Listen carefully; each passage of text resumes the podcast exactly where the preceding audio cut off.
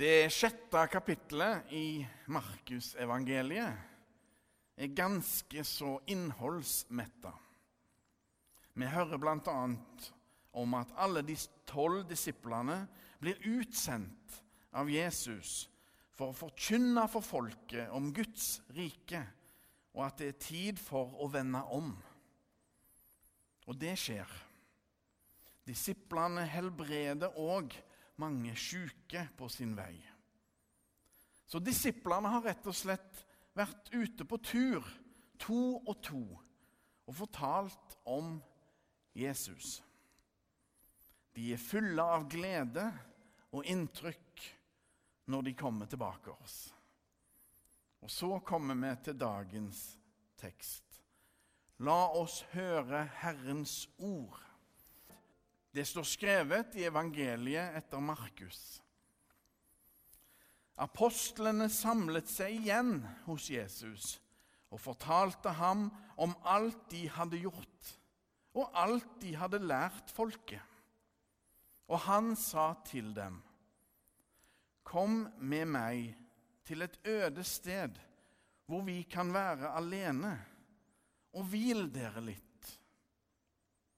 For det var så mange som kom og gikk, at de ikke fikk tid til å spise engang. Så dro de ut med båten til et øde sted for å være alene.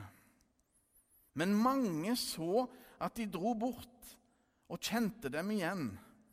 Og fra alle byene strømmet folk sammen til fots og nådde fram før dem.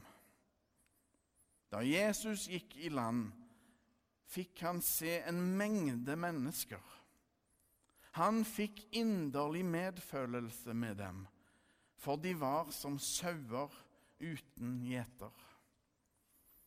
Og han ga seg til å undervise dem om mange ting. Det var nå blitt sent på dagen, og disiplene kom til ham og sa:" Stedet er øde, og det er blitt, alt blitt sent. Send dem fra deg, så de kan dra til gårdene og landsbyene her omkring og kjøpe mat. Men Jesus svarte, dere skal gi dem mat. De sa, skal vi kanskje gå og kjøpe brød for 200 denarer, så de kan få spise? Hvor mange brød har dere? spurte han. Gå og se etter. Da de hadde gjort det, sa de, fem brød og to fisker. Så sa han at de skulle la alle danne matlag og sette seg i det grønne gresset. Og de slo seg ned, rekke ved rekke, noen på hundre og noen på femti. Så tok han de fem brødene og de to fiskene løftet blikket mot himmelen og ba takkebønnen, brøt brødene i stykker og ga til disiplene for at de skulle dele ut til folk. De to fiskene delte han også ut til alle. Og alle spiste og ble mette. Etterpå samlet de opp tolv fulle kurver med brødstykker og fisk. Det var 5000 menn som hadde spist. Slik lyder det hellige evangelium. Jeg vil dele med dere en litt spesiell opplevelse. For det dreier seg om kroppshukommelse. Den forunderlige opplevelsen da vår yngste sønn Ola, som bare på tull la seg ved siden av meg på sofaen Se det for dere. Det var så vidt vi fikk plass. Men det var akkurat som da han var liten gutt. Og jeg skulle fortelle han om da jeg var liten og han skulle ligge ved siden av meg. Og Så begynte jeg alltid med den samme setningen. Da jeg var liten Da likte jeg å leke med biler. Og mer rakk jeg som regel ikke før jeg sovna. Det gjentok seg igjen og igjen. Men det som skjedde altså nå nettopp, det var rart. For da han la seg litt sånn på tull ved siden av meg, så var det akkurat som den gangen. Kroppen husker. Det var som om han lå der ved siden av meg og var en liten gutt fremdeles. Kroppen husker situasjonen. Det var rørende og ganske så spesielt. For det var ganske så forunderlig, det jeg opplevde. Kroppen lagrer på minner, husker situasjoner. Og jeg tror det er slik for oss alle. Slik dannes vi til å bli den vi er, på godt og vondt. Kroppen gjemmer og husker både de gode og dårlige minnene. Hm, forunderlig. Slik tror jeg òg disiplene må ha kjent det. Minnet om det som skjedde der ute i ødemarka, må ha satt seg i hendene på dem.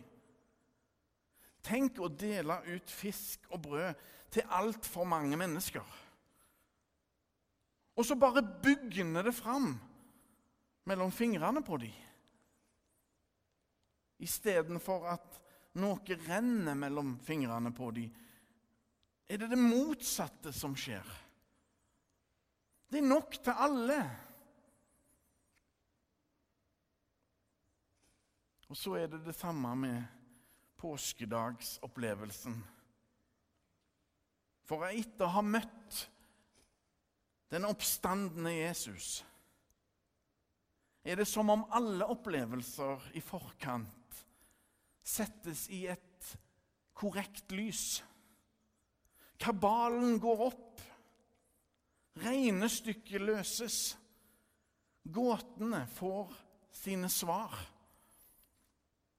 Alt endres på grunn av Jesu lidelse og død. Og aller viktigst hans oppstandelse. Dette er den kjente historien om Jesus som mette 5000 menn i ødemarka. Jesus gjør at veldig lite blir omgjort til mat for veldig mange.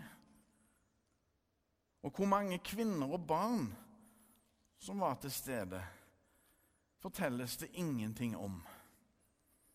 Kvinner og barn ble liksom ikke regna med på den tida. Men Jesus så alle med et åpent blikk. Uansett hvem de var, og uansett hvilken bakgrunn de hadde.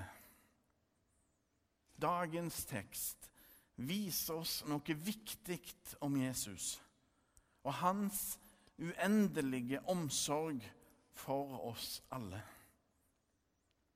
med påskens dramatikk og Jesus seier over døden friskt i minne, får vi et hellig og forunderlig lys over denne sterke fortellingen i ødemarka.